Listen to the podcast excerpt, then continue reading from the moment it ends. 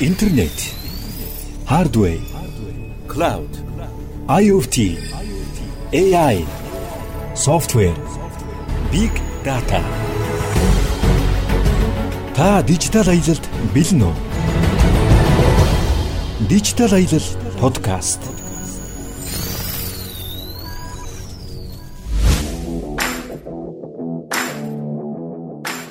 Сайн байцгаана уу? Та бүхэнд өнөөдрийн мэндийг хүргэе. Манай Digital Ailal podcast-ийн өнөөдрийн дугаар эхлэх бэлэн боллоо. Аа, хөтлөгч Цэнгэл. Гашка нараа. За, өнөөдрийн манай зочин бол IT Zone компани Enterprise шийдэл үйлчилгээний газрын дарга баяр жаргал оролцож байна. Сайн байна уу? Digital Aidel podcast-ийг танд IT Zone хүргэж байна.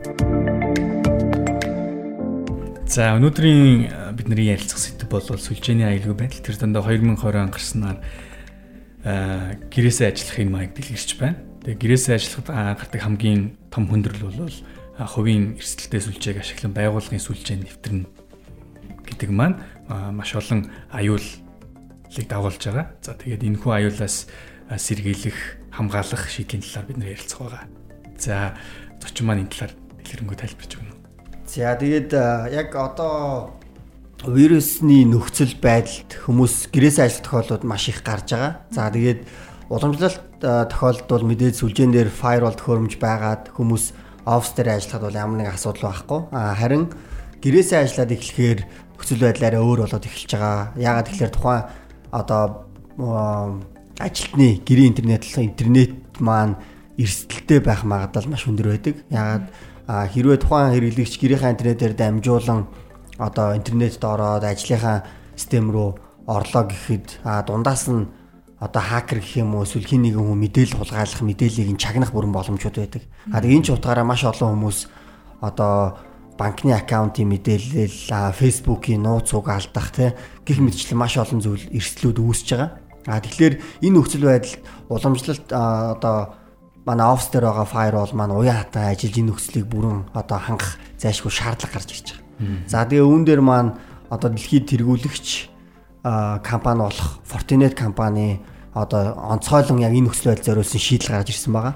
Аа тэгээд яг энэ нөхцөл байдалд одоо та бүхэн мэдж байгаа бах 4 сарын 30-наар одоо Монгол улсын хувьд хэд хил хаацсан байна те. Тэгэнгүүт гаднаас тоног төхөөрөмж оруулж ирэх гаргах боломж одоо хязгаарлагдмал болсон нислэгүүд байхгүй болсон.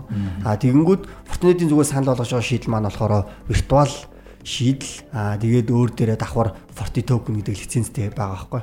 Аа тэгээд виртуал шийдлийн давуу тал нь одоо өөрсдийн байгаа дид үтстэй серверийн орчин дээрээ шууд суулгach болно. Эсвэл cloud дээр шууд суйрлуулах бүрэн боломжтой болчихж байгаа. Тэгээд аа ямар нэгэн одоо нөхцөл байдлаар хязгаарлагдахгүйгээр одоо карантинд хязгаарлагдахгүйгээр те тухайн шийдлийг боловсруулах боломжтой болж байгаа. За тэгээд ер нь онцлог нь гэдэг юм бол яг ийм нөхцөл байдал таарсан тийм уян хатан шийдэл байгаа.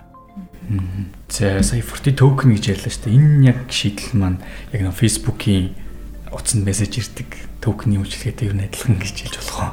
Тийм, ерөнхийдөө төстэй гэж хэлж болно. Токены систем систем Fortinet-ийн гаргасан өөрсдийн токены систем байгаа. За тэгээ энэ яаж ажилтдаг, ямар давуу талтай вэ гэдэг юм бол энэ систем маань хэрэглэгчийн түрүүн би ярьсанчлаа хэрэглэгчийн мэдээллийг бид нар одоо шууд хамгаалагдаагүй интернетээр гаргахаар дундаас нь одоо чагнах, сонсох мэдээллийг харах боломжтой байдаг. А бид нар Forti token-ы ашиглах ашигласнаар ямар тавуу тал үүсэж байгаа гэхээр хэрэглэгч байгаа газраас интернетээр дамжуулан тухайн байгууллагын үндсэн систем рүү одоо VPN түнэл үүсгэж байгаа. Virtual private network үүсгэж байгаа. За тэгэхээр энэ маань зөвхөн тухайн хэрэглэгчийн өөрийнх нь ашиглах тийм сүлжээ гэж ойлгож болно.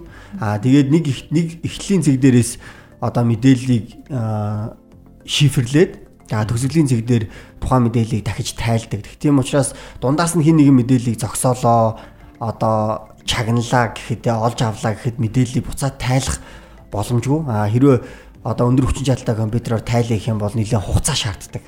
Үүгээр одоо онцлогтой байгаа. Тэгэхээр Forti token-ийн шийдэл маань одоо яаж ашиглах вэ гэдэг юм бол мэдээж одоо төв систем дээр байгаа firewall бол дээрээ шаардлагатай тохиргоог хийн. Аа тэгээд Forti token-ыг болохоор та гар утсан дээр аппликейшнийг суулгана. Аа тэгээд та хандлт хийх болгонд одоо таны гар утас руу код генерейт хийгээд тухайн кодыг ашиглан танд one time password ирээд таад үндсэн одоо систем рүүгээ хандах боломжийг олгож байгаа. За тэгээд бас нэг зүйл байгаа нь болохоор юу байгаа. Forti token маань хоёр үе шаттай хамгаалж байгаа гэж ойлгож байна. Эхнийх нь код генерейт хийж байгаа. А дараагийнх нь буюу тэрний өмнө болж байгаа процесс маань болохоор тухайн хэрэглэгчийг бид нэр үндсэн одоо систем дээрээ firewall-ын систем дээр бүртгэж авч байгаа. А тэгэхээр зарим одоо ихэнх байгууллагууд бол өөрсдийн доментой байдаг. Тийм учраас домен юзерээрээ бүртгэгдэх боломжтой. А тэгэхээр тухайн зөвхөн тухайн домен дээр байгаа хэрэглэгч яах ашиглах боломжтой. А тэгээ хоёрдугаарт нь дахиад код шалгаж байгаа. Тэгэхээр ер нь бол two factor authentication-ыг хийж байгаа маань илүү аюулгүй байдлыг шалгаж чадж байгаа. Хин нэгэн дурын хүн таны утсыг авлаа гэхэд үндсэн систем дээр бүртгэлгүй болгоод нэвтэрч чадахгүй. А хэрвээ үндсэн систем дээр а бүртгүүлсэн байлаа гэхэд заавал код генерейт хийж хийж авч чадахгүй бас чадахгүй гэх мэтчлэн тий. Давхар шалгаж байгаагаараа бас илүү онцлогтой байгаа. Тий. Тэгээд яг энэ вирусны үед одоо нөхцөл байдлыг ихэнх одоо IT-ийн том том компаниуд бол одоо үнгүй үйлчлэгэнд үзүүлээд эхэлсэн байна. За одоо жишээ нь видео конференцийн шийдлийн хувьд бол Zoom, за веб Cisco-гийн WebEx гэх мэт шийдлүүд үнгүй шийдлүүд гаргацсан. Аа тэгээд Fortinet компани маань яг энийг дагаад 2 сарын хугацаанд одооноос эхлээд 2 сарын хугацаанд уг системийг одоо 10 хэрэглэгчийн хувьд үнгүй ашиглах бүрэн боломжтой байна. Компанийн хувьд бол ялангуяа удирдлагуудын мэдээллүүд бол илүү одоо эмзэг мэдрэмтгий мэдээллүүд байдаг. Тэгэхээр тухайн мэдээллүүдийг одоо нууцлах хандлтуудыг нь одоо хамгаалах гэдэг маань маш чухал байдаг. За тэгээ бидний хувьд бас яг энэ нөхцөл байдалд тааруулаад одоо ялангуяа Fortinet-ийн төхөөрөмж ашигладаг байгууллагууд бол одоо үн төлбөргүй зөвлөгөөнүүдийг мэдээллүүдийг өгөөд явж байгаа. Аа тэгээд шинээр сонирхож байгаа байгууллагуудын хувьд бол та заавал төхөөрөмж аваад одоо энэ энэ одоо карантины нөхцөл төхөөрөмж аавна гэдэг маань эрсдэлтэй, деливеригийн асуудалтай байгаа учраас виртуал машин дээр аваад системээ найдвартай ажиллуулах бүрэн боломж танд байна шүү гэж бас хэлмээр байна. За сая Fortinet шийдэл ашигладаггүй, Fortinet-ийн төхөөрөмж ашигладаггүй байгууллагуудын хувьд боломжтой гэж байна. Тэгэхээр а яг энэ хүү шийдлийг ашиглахын тулд тухайн байгууллага маань яг юу бэлтгэх, юуг бэлэн байлгах шаардлагатай вэ? Яг өрдөж нөхцөл нь. А тухайн байгууллагын хувьд бол өөрсдөө одоо серверийнхаа орчинг бэлтгэх ёстой. За тэгээ бид нар мөн танилцуулган дээр шаардлагыг хөргүүлж байгаа. Одоо серверийн хүчин чадлын хувьд CPU, RAM, hard ямар байх ёстой вэ? Аа тэгээд магадгүй зарим байгууллагууд өөрсдөө on-premise биш одоо орчин үед cloud-ыг ашигладаг болсон учраас cloud систем нь байдаг гэж магадгүй. Аа тэгэх юм бол cloud дээр серверийн шаардлагыг биелүүлсэн тохиолдолд cloud дээр суулгаад тэгээд бас ашиглах одоо боломж бүрэн байгаа. Одоо аль аль хөлбөр нь байгаа гэх юм уу?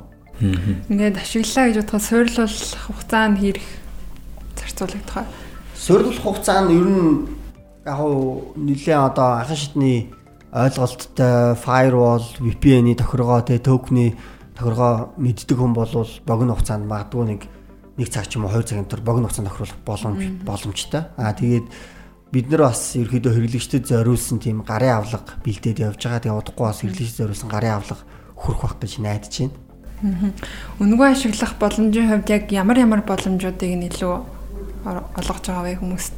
Аа яг үнгүй ашиглахад одоо зориулсан боломж маань болохоор 2 сарын хугацаанд тухайн хэрэглээ тухайн одоо хэрвээ Fortinet ашигладаг байгууллага байх юм бол Fortinet-ийн Fire ашигладаг байгууллага бол а 2 сарын хугацаанд 10 хэрэглэгч одоо яг Forti token-ы одоо лиценз авах боломжтой үнгүй. А тэгээд байгаагаа өссөн газраас одоо токен-ороо код генерейт хийж аваад систем рүүгээ хандах боломжийг олгож байгаа.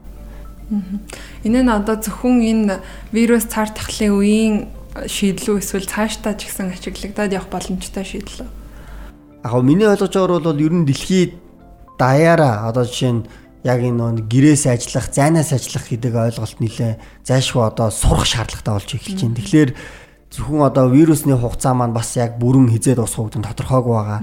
Тэгэхээр энэ бол нэлээ урт хугацааны зүйл юм байна. Зөвхөн вирус дуусны дараанаас ер нь бол хүн болгон зайнаас гэрээс ажиллах гэдэг одоо ойлголт нэлээд хүчтэй гарч ирэх юм байна гэж ойлгож байна. Тэгэхээр энэ нөхцөл байдлуудад бас бүрэн уялдах юм байна гэж харж байна л та. Тэгээд орчин үеийн судалгаагаар бас судалгаанууд гарцсан байсан. Одоо ерөөхдөө хүмүүс зөвхөн нэг газараас биш доорож 2-оос 3 газараас ажилладаг энэ олон улсын компани ажилтнууд амар их байдаг болсон. Тэгэхээр ер нь бол бид нэр яг энэ чиглэл рүүгээ явж байгаа юм байна. Тэгэхээр энэ маань яг ирээдүйд бид нарт заашгүй хэрэгтэй шийдлүүдийн нэг юм байна гэж хараад байна л та. Сайн ингээд хүмүүс олон газараас ажилладаг болсон талаар дуурцсан.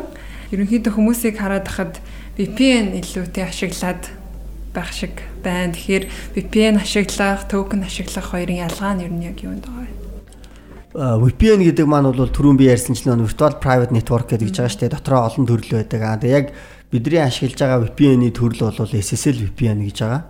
Аа яг токен гэдэг маань болохоор илүү нөгөө хэрэглэгчийг одоо баталгаажуулж байгаа систем байгаа байхгүй юу? Яг энэ хэрэглэгч мөн үү? Одоо шинэ банк нь банкнуудад ч гэсэн эсвэл санхүүгийн одоо компани санхүүгийн ажилтнуудад нэг юм саарл тийм саарл нэг юм токен а тэрэн дээр бас ингээд янз бүрийн нууц нууц үг те чухал систем рүү хандах чухал аккаунт руу хандахдаа нууц үгээ дахиж баталгаажуулж авдаг. Эхлээд өөрөө мэддэг нууц үгээ оруулаад аа тэгээд тухайн системээр дамжуулж баталгаажуулж дахиж шалгадаг байхгүй.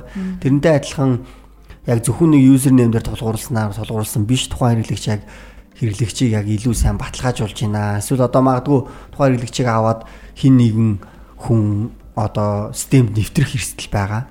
Өөрийнх нь юзернэм пассвордыг мэдж байгаа тохиолдол ч юм уу те.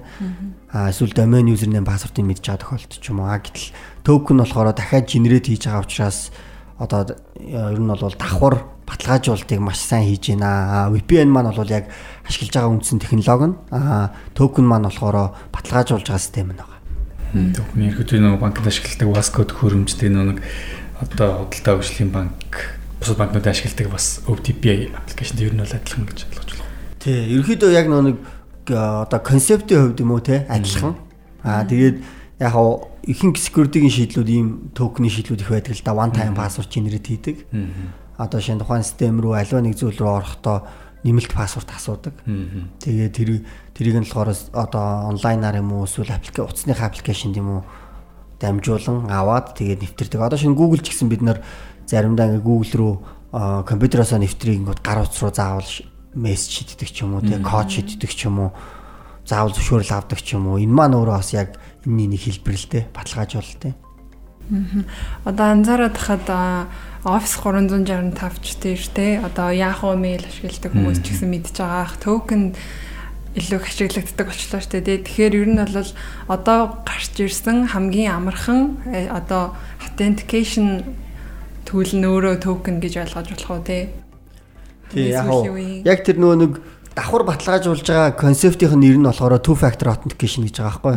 Аа тэгэхээр токен гэдэг маань болохоор яг тэрний нэг төрлөн л гэж ойлгож болно. Нэг кейс нь. Аа тэгээд яг одоо тэр нөгөө баталгаажуулалтыг одоо банкнуудад ч юм уу эсвэл санхүүгийн хүмүүст илүү амар байлгах байдлаар зохион бүтээсэн хийсэн байгаа нь бол токены хэлбэр. Одоо энгийн хэрэглэгчдэд зориулсан ч юм уу те. Аа тэгээд Тэрнээсээ арай өөр өөр хэлбэртэй токенууд буюу two factor authentication хийдэг зүйлүүд бас байдаг. Энэ хүнцэнтэй мэдээлэл хуваалцаж гэрээсээ хэрхэн аюулгүй ажиллах талаар зөвлөгөө шийдлийг хүргэсэн танд баярлалаа. Баярлалаа. За та бүхэнд бас анхаарал тавьж сонссон баярлалаа. Тэгээд хүн болгон бас аюулгүй байдал дээр анхаараарай гэж бас уриалмаар байна. За баярлалаа. Дижитал аялал подкаст